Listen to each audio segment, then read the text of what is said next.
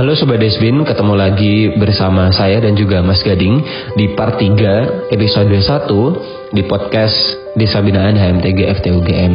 Nah di part ini kita akan membahas lebih dalam mengenai kendala dan juga tantangan yang dihadapi oleh Desa Binaan HMTG FTUGM selama didirikannya Desa Binaan hingga sekarang. Nah nggak usah berlama-lama langsung aja kita masuk di part 3, tentunya tetap bersama Desa Binaan HMTG FTUGM dari Bayat untuk Indonesia. Oke, jadi kendala nih Mas selama mengembangkan Desa Binaan dari awal sampai saat ini di tahun 2020 ini, kendala dan tantangan yang menurut Mas Gading tuh yang paling besar nih. Wah, ternyata nggak kusangka-sangka ada suatu tantangan yang di luar dugaan. Nah itu mungkin hmm. apa mas? Mungkin bisa diceritakan dan mungkin uh, juga bisa jadi pengalaman nih bagi teman-teman yang lain. Mungkin yang ingin mengembangkan wilayahnya sendiri kan bisa nih dikatakan hmm. uh, sebagai contoh ketika ya. ada suatu uh, seorang mahasiswa mungkin ingin mengembangkan daerah dia sendiri dia melihat hmm. ada potensi yang sama yang dimiliki oleh desanya sendiri sama dengan desa binaan di rakyat, hmm. kemudian mereka ingin mengembangkan desa mereka sendiri. Nah mungkin kendala dan tantangan yang mungkin selama ini dihadapi dan akhirnya di, bisa diselesaikan. Nah mungkin bisa diceritakan hmm. mas. Oke, okay. uh, eh, pertama yang jelas karena kita basicnya geologi ya, waktu itu pemikiranku tantangannya adalah gimana caranya mengembangkan masyarakat gitu loh. Aku nggak punya background sama sekali ilmu pengembangan masyarakat atau community development tantangan pertama yang jelas ya uh, aku aku sebut semua tantangan. Nggak bisa aku bilang nggak ada tantangan karena karena benar-benar kosong nggak punya pengalaman. Bayangin ngurusin desa itu belum pernah di desa sendiri aja aku nggak aktif gitu loh belum yang jadi orang yang uh, karang taruna kayak gitu juga nggak. Tantangan pertama adalah knowledge-nya gitu uh, pemahaman kita tentang community development itu konsepnya seperti apa ada bottom up ada top to down gitu. Nah itu yang harus di pahami, dicari tahu dulu. Waktu itu kebetulan aku uh, banyak konsul ke BM, BMKM UGM, aku tanya desa binan seperti apa, ke PWK aku tanyain temenku uh, seperti apa pengembangannya, dan dari situ aku tahu konflik-konfliknya apa aja, pendekatannya seperti apa. Bahkan waktu itu aku juga uh, apa memenuhi pengetahuanku uh, dari dosen community development atau PSDK waktu itu namanya Mas siapa ya? Aduh, aku lupa namanya uh, pokoknya dosen PSDK waktu itu aku penuhin. Itu tantangannya adalah pemahaman dulu. Jadi kita nggak bisa sembarangan. Nggak bisa sembarangan masuk uh, ke warga gitu ya ngomongin ide kita. Karena biasanya kan mahasiswa itu idealis gitu ya ngomongin ke pak ini ide bagus pak. Gini gini gini. Ya ide bagus itu kan menurut mahasiswanya gitu loh. Tapi kadang mahasiswa ini nggak ngerti cara ngomong misalnya ke orang yang uh, lebih tua ke orang yang mungkin di desa. Itu kan beda pemahamannya. Jadi kita harus pahami dulu secara konsep community development itu apa baik secara subjeknya, substansinya gitu ya, objeknya, bagaimana mentreatment masyarakat gitu. Itu aku penuhin dan aku dapat banyak banget uh, masukan, banyak insight gitu ya. Termasuk aku juga ke dosen pariwisata waktu itu Mas Awang, uh, Mas Awang juga sama Mas, aduh, satu lagi. Uh, pokoknya ke beliau dosen itu aku tanyain konsultasi seperti apa sih pengembang masyarakat. Itu tangan-tangan pertama pengetahuan hmm. ya kan? Di awal-awal tuh bener-bener kita clearkan banget. Sampai di situ aku paham. Nah mulai masuk eksekusi kan? Eksekusi uh, ke masyarakatnya. Karena kan kita udah tahu konsepnya nih pendekatannya dieksekusikan kita masuk ke masyarakat terutama di situ uh, kita cari stakeholdernya. Ya stakeholder paling tinggi kan di desa adalah kadesnya kan? Nah hmm aku mungkin juga belum mampu nih untuk e, meyakinkan gitu kan meyakinkan e, apa pihak desa. Karena saya masih mahasiswa ya kan? Saya bukan orang Jawa. Kayak gitu. Mas Feby juga waktu itu ketua Society Praja bukan orang Jawa. Akhirnya yaitu gunanya waktu itu konsultasi dengan Kagio Gama kan. Hmm. terus ketemu sama Pak Ari. Kebetulan Pak Ari itu udah pernah buat desa binaan juga di Gunung Kidul di Klayar namanya desa Klayar akhirnya ya udah kita minta bantuan dan bahkan Pak Ari itu juga yang memberikan banyak masukan seperti apa sih pengembangan desa itu pembinaan desa. Jadi akhirnya kita datang bersama alumni. Kalau kita bilang uh, atau kita membawa alumni gitu ya, membawa senior uh, dan membawa nama alumni gitu, itu pasti akan meyakinkan gitu kan lebih dipercaya oleh masyarakat. Hmm. Karena bukan mahasiswa gitu. Karena orang masyarakat kan pasti melihat mahasiswa apa sih tahu apa sih? kan kayak gitu itu uh, tantangannya dieksekusi. Kemudian eksekusi selanjutnya itu uh, ya me merealisasikan plan kan. Nah, merealisasikan plan ini tantangan terbesarnya sebenarnya ada di tim. Kalau aku bilang tim, tim di sini kebetulan memang aku sih sangat bangga banget ya, salut banget dengan teknik geologi UGM karena didikan dari senior-senior kita itu benar-benar uh, mahasiswanya membuat junior-junior ini tahan banting gitu loh. Tahan banting kita bisa uh, adaptasi kita bisa menyesuaikan diri kita bisa melakukan uh, mengusahakan apa pun yang sudah jadi goal kita gitu loh. Itu yang diajarkan senior kita kan sebenarnya. Benar. Baik DE begitu nah dari situ syukur punya tim yang punya apa ya yang apa namanya daya juangnya tuh ya di situ ada Feby, Cahyo, Eti, Zaki, semuanya yang nggak bisa aku sebutkan uh, tim Society Project dan tim desa binaan di awal. Ada Yazid Ilmau juga.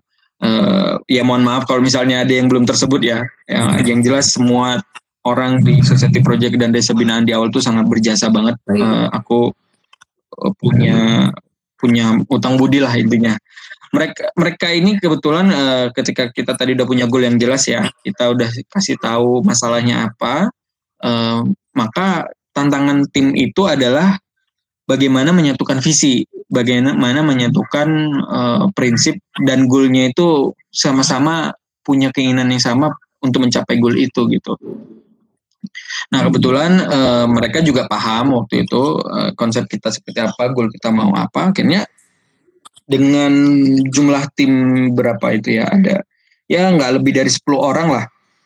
Itu tim yang benar-benar bergerak untuk mengeksekusi uh, plan-plannya gitu loh untuk mendekatkan diri ke, ke desa segala macamnya. Ya itu akhirnya uh, tim itu yang benar-benar membantu banget. Karena kan nggak mungkin aku semuanya kan. Di situ ada iya. Eti Cahyo Febi ada yang uh, ngurusin ini ada yang datang untuk uh, diskusi tentang ini dengan desa, dengan bumdes, dengan burut, dengan Pak Bayan. Itu hmm. jadi kita bagi tugas semuanya. Dan alhamdulillah aku punya, punya tim yang tuh benar-benar solid, udah bagus, uh, secara kemampuan juga sudah mumpuni.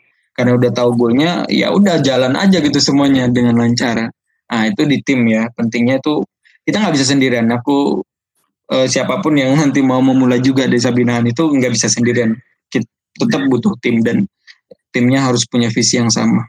Nah, yang selanjutnya sebenarnya tantangannya adalah ya bagaimana mengkomunikasikan ide-ide kita, plan kita, rencana kita eh, ke ke masyarakat itu sendiri begitu. Bagaimana mengkomunikasikan mereka supaya supaya mereka paham dan bisa jalan gitu loh. Kebetulan juga memang desa kebun sendiri itu mindsetnya juga udah bagus gitu.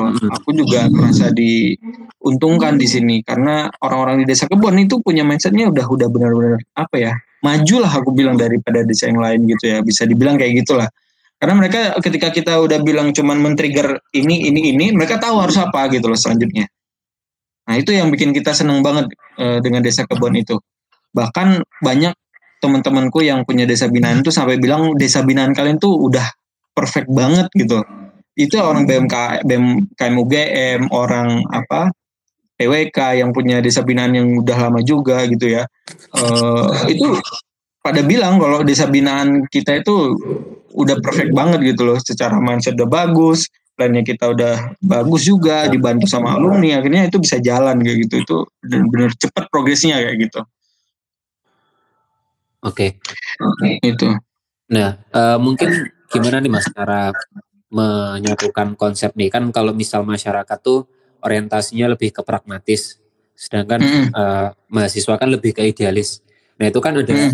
uh, sebuah kutub yang berbeda nih karena yeah. kalau misal idealis kan mungkin lebih ke proses kayak gitu dan akhirnya bisa mm. menghasilkan output yang sesuai dengan apa yang diinginkan awalnya tapi kalau uh, dari masyarakat kan mungkin lebih ke hasil yang instan seperti itu intinya harus segera diwujudkan dan segera memberikan hasil Nah itu gimana hmm. cara menengahi antara dua konsep yang berbeda itu tadi? Hmm, Oke, okay. Uh, kalau di sini dalam konteks kita sudah berhubungan gitu ya, udah deal gitu, udah punya mereka sama-sama mau jalan gitu ya, tetapi uh, gimana menurunkan ego masing-masing gitu kan ya.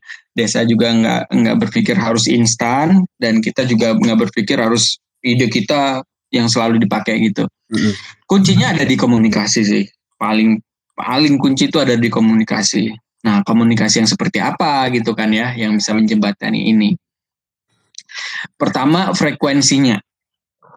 Frekuensinya ini bagaimana kita bisa sesering mungkin eh, datang ke mereka sesering mungkin muncul sesering mungkin kita hadir uh, dan dekat dengan mereka sehingga kita ini bukan jadi uh, apa bukan jadi yang kedua kita bukan jadi semacam apa ya komando gitu loh bukan bukan jadi eh, pecuruh gitu Benar. malah kita sebagai uh, apa tim gitu sebagai teman kita sebagai bahkan kita sebagai orang yang belajar gitu, bukan orang yang mengajari di sana. Kita mendengar, uh, kita diskusi, kita kasih ide, tetap mereka yang diskusi. Kuncinya sebenarnya uh, di pembangunan masyarakat itu community atau community development adalah bagaimana membuat masyarakat itu menjadi subjek, bukan menjadi objek. Objek. Nah, ini ini yang kebanyakan orang mungkin uh, secara ma mahasiswa itu kan bilang merasa paling tahu gitu loh, merasa paling hmm. eh, harusnya seperti ini, harusnya ibu seperti ini, bapak seperti ini, eh, desa harusnya seperti ini, nggak kayak gitu. Itu itu kita ngobrol abri desa orang namanya. Yang jelas kan desa itu kan milik orang desa itu gitu loh, bukan milik kita. Kita yang harusnya sowan gitu, kita yang harus menyesuaikan, bukan mereka yang menyesuaikan dengan ide kita. Nah, gimana caranya memanusiakan manusia atau mengungkit uang bahasa Jawanya? Yaitu kita harus e, menganggap mereka sebagai pemilik desa itu gitu loh.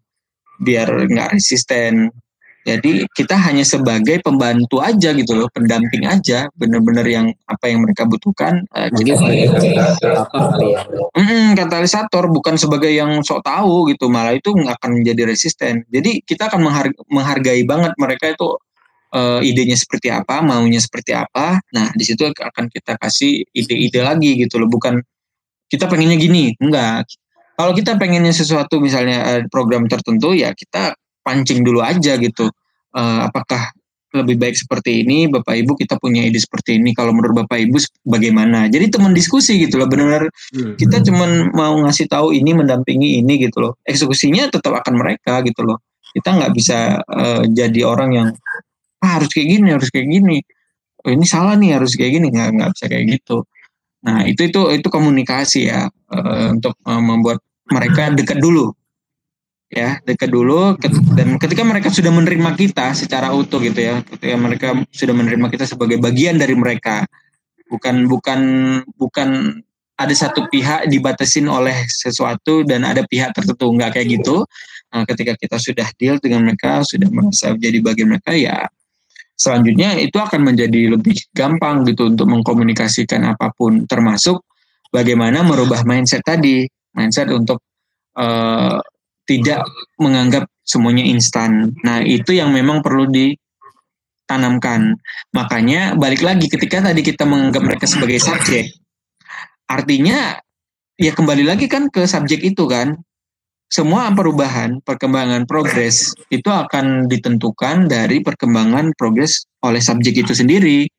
Nah, di situ pentingnya memposisikan uh, warga itu sebagai subjeknya, sebagai pelakunya. Ketika mereka dijadikan sebagai pelaku, ya mereka pasti akan paham kalau hasil itu ya tergantung mereka begitu loh. Tergantung mereka progresnya gimana. Dari situ mereka tidak akan berpikir untuk wah ini harus instan. Oh kapan nih hasilnya? Nggak kayak gitu. Tapi ayo kita lakuin bareng biar cepet nih progresnya. Jadi kayak gitu. Bukan yang eh UGM gimana nih? Kok nggak nggak dapet hasil hasilnya kok nggak ada hasilnya nah itu kalau kayak gitu prinsipnya eh, mereka udah punya pemandangan eh, apa pandangan seperti itu berarti yang lakuin kan kita bukan mereka adalah secara kita uh, masyarakat sendiri yang menjadi penggerak harusnya gitu nah itu yang kita bangun banget sih dari awal bagaimana memposisikan masyarakat adalah pelakunya. Kami hanya mendampingi Bapak Ibu. Apa yang Bapak Ibu butuhkan, kami akan eh, support. Tetapi eksekusinya ada di bapak ibu semua kayak gitu.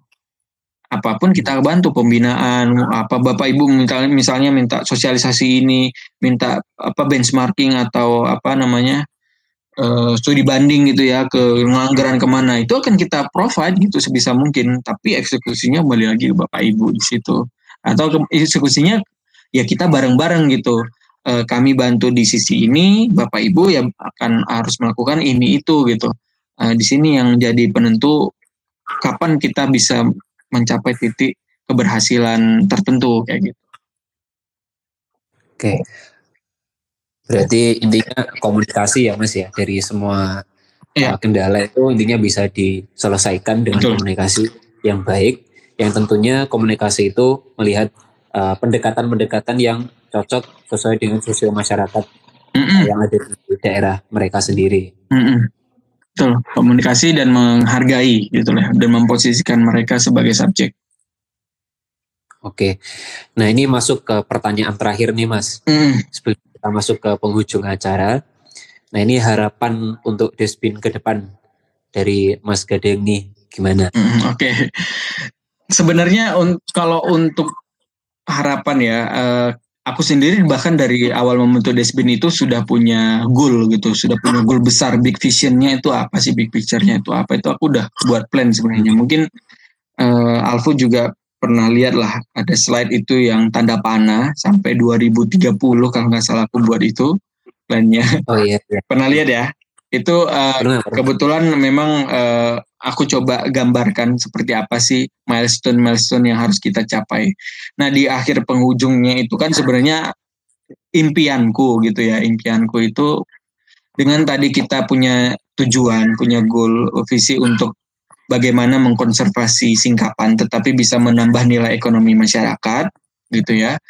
Uh, harapannya dengan visi besar visi itu uh, kita bisa membuat itu lebih besar lagi menjadi uh, secara kawasan gitu nggak cuma di desa kebun aja gitu loh tetapi bisa di satu bayat gitu. Satu bayat itu bisa dihandle oleh teknik geologi. Dengan tadi contoh yang kita punya di desa kebun harapannya uh, bertahun-tahun ke depan uh, sampai mungkin berpuluh tahun lagi gitu ya. Aku nggak bisa bilang juga nggak bisa cepat aku yakin mungkin butuh waktu sekitar 20 tahunan mungkin atau bahkan di bawah itu ya lebih cepat untuk bagaimana membuat bayat itu menjadi istilahnya kalau kami bilang dulu itu namanya diorama Jawa. Benar. Diorama Jawa itu uh, kita pengen membuat bayat itu karena tadi aku bilang kita pengen memberikan impact ke mereka tapi juga mengkonservasi Artinya bagaimana singkapan itu utuh tetapi dapat nilai ekonomi gitu kan ya. Nah, kuncinya ya tetap di geowisata tadi, wisata tetapi yang sudah hmm. terintegrasi. Sehingga yang kita angkat di sana nggak cuma geologi, nggak cuma geowisata, tapi kulinernya kita angkat, kita angkat juga budayanya segala macam. Jadi sehingga kita pengen bay membuat Bayar itu sebagai apa ya salah satu kawasan wisata sebenarnya. Ada kawasan wisata alamnya, budayanya begitu ya, dan senternya informasinya itu ada di kampus Bayar gitu loh. Nah, kita pengen uh, ketika orang masuk gerbang bayar, kita, mereka udah dikasih dena gitu ya, dena ini desa wisata ini, desa wisata untuk ini, untuk geologi, untuk batik, untuk gerabah. Kan di sana ada semua itu. Uh, bahkan angkringan pun di aslinya kan di sana di Cawas, dari Cawas kan dulu. Nah, benar sebenarnya bayar itu punya nilai besar banget punya value yang besar banget gitu loh. Potensi yang besar banget untuk dijadiin itu. Paling nggak mirip-mirip seperti geopark cuman mungkin bukan geopark ya jatuhnya. Karena kan satu kecamatan katakanlah misalnya cagar alam wisata gitu kan. Baik cagar alam geologi cagar alam budaya cagar alam e, kerajinan gitu kan. Sana ada gerabah juga ada batik gitu. Nah, nanti kampus Bayat itu yang jadi senternya gitu loh. E, nanti ada display di situ kemudian di situ nanti uh, orang bisa melihat bagaimana pembentukan Jawa kayak gitu baik secara alamiah, secara geologi, secara budaya gitu di situ. Nah, kita pengen membuat Bayat itu uh, jadi epicentrum lah, epicentrum uh, wisata geologi itu yang mungkin kalau geopark itu kan ada keterbatasan untuk menambang gitu ya, keterbatasan untuk mengeksploitasi singkapan. Nah, di sini mungkin uh, karena bu bukan kategorinya geopark ya kita bisa bilang kalau mengeksploitasi memang enggak ya cuman kalau ada kegiatan-kegiatan yang masih berjalan di lokasi tertentu itu nggak akan jadi masalah ketika itu bukan bukan geopark gitu. Nah intinya uh, kalau secara global ya visinya itu uh, memang pengennya aku sendiri pribadi itu Bayat itu bisa jadi itu tadi bisa jadi uh, percontohan lah kawasan wisata geologi untuk kawasan wisata geologi geologi lainnya gitu uh, yang mungkin bisa jadi percontohan kayak gitu. Nah dari organisasinya sendiri Desa Binaan, aku dulu itu juga sudah sempat buat pokja sebenarnya untuk kelompok kerja gitu ya. Untuk menaungi untuk men, apa menanggulangi masalah-masalah tadi dari desa-desa lain itu uh, muncul permintaan kayak gitu. Permintaan untuk dibimbing juga dibina juga gitu. Nah Poja ini sebenarnya aku pengen buat waktu itu mengumpulkan uh, beberapa stakeholder gitu ya dari kabupaten dari Bapeda DPR kebetulan kita punya alumni juga sebenarnya di, di dinas Klaten gitu. Kemudian dari uh, pokoknya KG Gama teknik geologi kita kumpulkan. Nah kalau dari desa kebon itu kita bottom up gitu ya kita ngasih contoh. Nah pengennya untuk mengantisipasi tadi kejadian-kejadian yang permintaan itu, kita buat poja yang itu isinya stakeholder semua. Nah, kita kasih ide nih. Kita sebenarnya sudah mulai pembangunan di kebun seperti ini untuk konsep uh, wisatanya, geowisatanya. Dalam ini kan dalam rangka tadi ya mencapai goal besar kita tadi itu yang 30 tahunan itu di Rama Jawa. Nah, kita pengen membuat Bayat ini juga punya mindset yang sama gitu loh. Tetapi kan nggak bisa kita datengin satu-satu gitu. Makanya uh, ketika nanti kita punya poja, itu kita datengin stakeholdernya, kita share tuh sama stakeholdernya, kita share ke dinasnya, ke mungkin bupatinya mungkin uh, waktu itu sebenarnya udah udah udah mau cepet udah ada diskusi tuh sama Pak Heru juga, Pak Heru kan uh, kadep kan. Nah kita nanti bilang nih sama semua stakeholder itu, termasuk nanti kita undang tuh masing-masing desa di sana, kepala desa kepala desanya, kita jelasin plannya seperti apa sih, visinya mau kita buat seperti apa sih kayak gitu. Nah, dengan mereka tahu gitu ya, paham bayar itu nantinya potensinya seperti apa dan uh, plannya seperti apa untuk menjadi diorama Jawa itu, mungkin dari situ ya, yang desa-desa lain pasti akan tertrigger untuk ya udah kalau gitu uh, kami siapin plan nih untuk ini segala macam gitu ya. Nah, tapi butuh pendampingan kan. Nah, dari situ dari Poja itu nanti kita bisa menggait teman-teman lain, entah itu teman-teman di UGM gitu ya, baik e, beda jurusan gitu, mungkin teman sipil, teman yang lain, atau bahkan teknik geologi yang lain gitu, misalnya UPN, APRN, STTNAS untuk bantuin kita.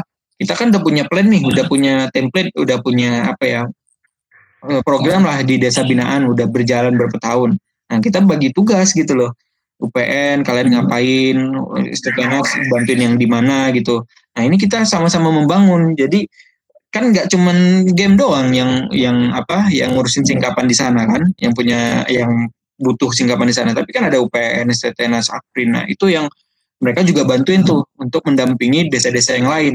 Nah, artinya uh, goal ini tuh harapannya desa binaan itu bisa jadi pelopor itu gitu bisa jadi uh, apa ya uh, trigger untuk yang lainnya itu. Saya yang memulai uh, poja itu lagi gitu loh uh, harapanku desa binaan inilah tim yang menjadi cikal bakal me, apa, me, menghasilkan mencapai tujuan tadi yang aku bilang menjadi di rumah Jawa itu dengan cara ya tadi menggait teman-teman yang lain, stakeholder yang lain gitu uh, untuk membantu bayar. Karena kalau kita sendiri ya kita juga memang bisa kita bisa tapi itu akan hanya satu desa gitu dan itu mungkin lama untuk bisa kita pindah gitu sementara kan uh, waktu terus berjalan. Kalau kita bisa dibantu oleh tenaga yang lain gitu kan, dari stakeholder yang lain gitu, itu pasti progresnya akan lebih cepat gitu. Sehingga singkapan-singkapan yang mungkin belum terdampingi gitu ya, belum ada geologi di sana yang me, untuk me, apa, mencerdaskan mereka bahwa bantuan itu penting, itu bisa akan lebih cepat untuk diantisipasi pengurangan eksploitasinya karena orang-orang desanya udah paham gitu mau dijadiin apa sih desanya Oke. Berarti uh, intinya harapannya dari Mas Gading itu adalah kontribusi dan partisipasi aktif dari semua pihak, mulai dari masyarakat, dosen, dan mahasiswa maupun warga UGM yang lain dalam hal ini teknik geologi itu bisa tercapai sehingga tujuan uh, Bayat sebagai di orang Jawa bisa segera terwujud begitu ya Mas? Ya, simpelnya kayak gitulah. Oke Mas, nggak kerasa udah satu jam lebih nih kita berdiskusi dan juga ngobrol santai mengenai desa binaan mulai dari asal usul, inspirasi hingga harapan-harapan yang nantinya berguna untuk desa binaan. Tentunya tadi seru banget, akhirnya kita bisa tahu gimana sih asal usul dan juga awal tercetusnya desa binaan. Terima kasih Mas udah mau menyempatkan waktunya dan juga udah mau bergabung dan juga ngobrol santai nih di kesempatan episode perdana kali ini. Semoga bermanfaat ya untuk semuanya bisa diambil hikmahnya entah itu mulai dari inspirasi maupun dari poin-poin yang lain yang pasti berguna untuk semua pihak seperti itu. Oke teman-teman Sobat Despin, terima kasih sudah mau mendengarkan episode pertama dari podcast series Desa Binaan kali ini. Terima kasih sudah mau menyempatkan waktunya juga untuk mendengarkan sampai habis dari seluruh rangkaian episode perdana kali ini. Sampailah kita di penghujung acara dari episode perdana kali ini. Tetap semangat, tetap jaga kesehatan, apalagi di kondisi pandemi seperti ini ya, dan juga tetap produktif untuk tetap selalu beraktivitas setiap hari sehingga kita bisa menghasilkan sesuatu yang lebih dari hari-hari sebelumnya. Stay healthy, stay classy. Sampai jumpa di episode selanjutnya dari podcast series Desa Binaan HMTG FTUGM. Desa Binaan HMTG FTUGM dari Bayat untuk Indonesia. Terima kasih. Wassalamualaikum warahmatullahi wabarakatuh.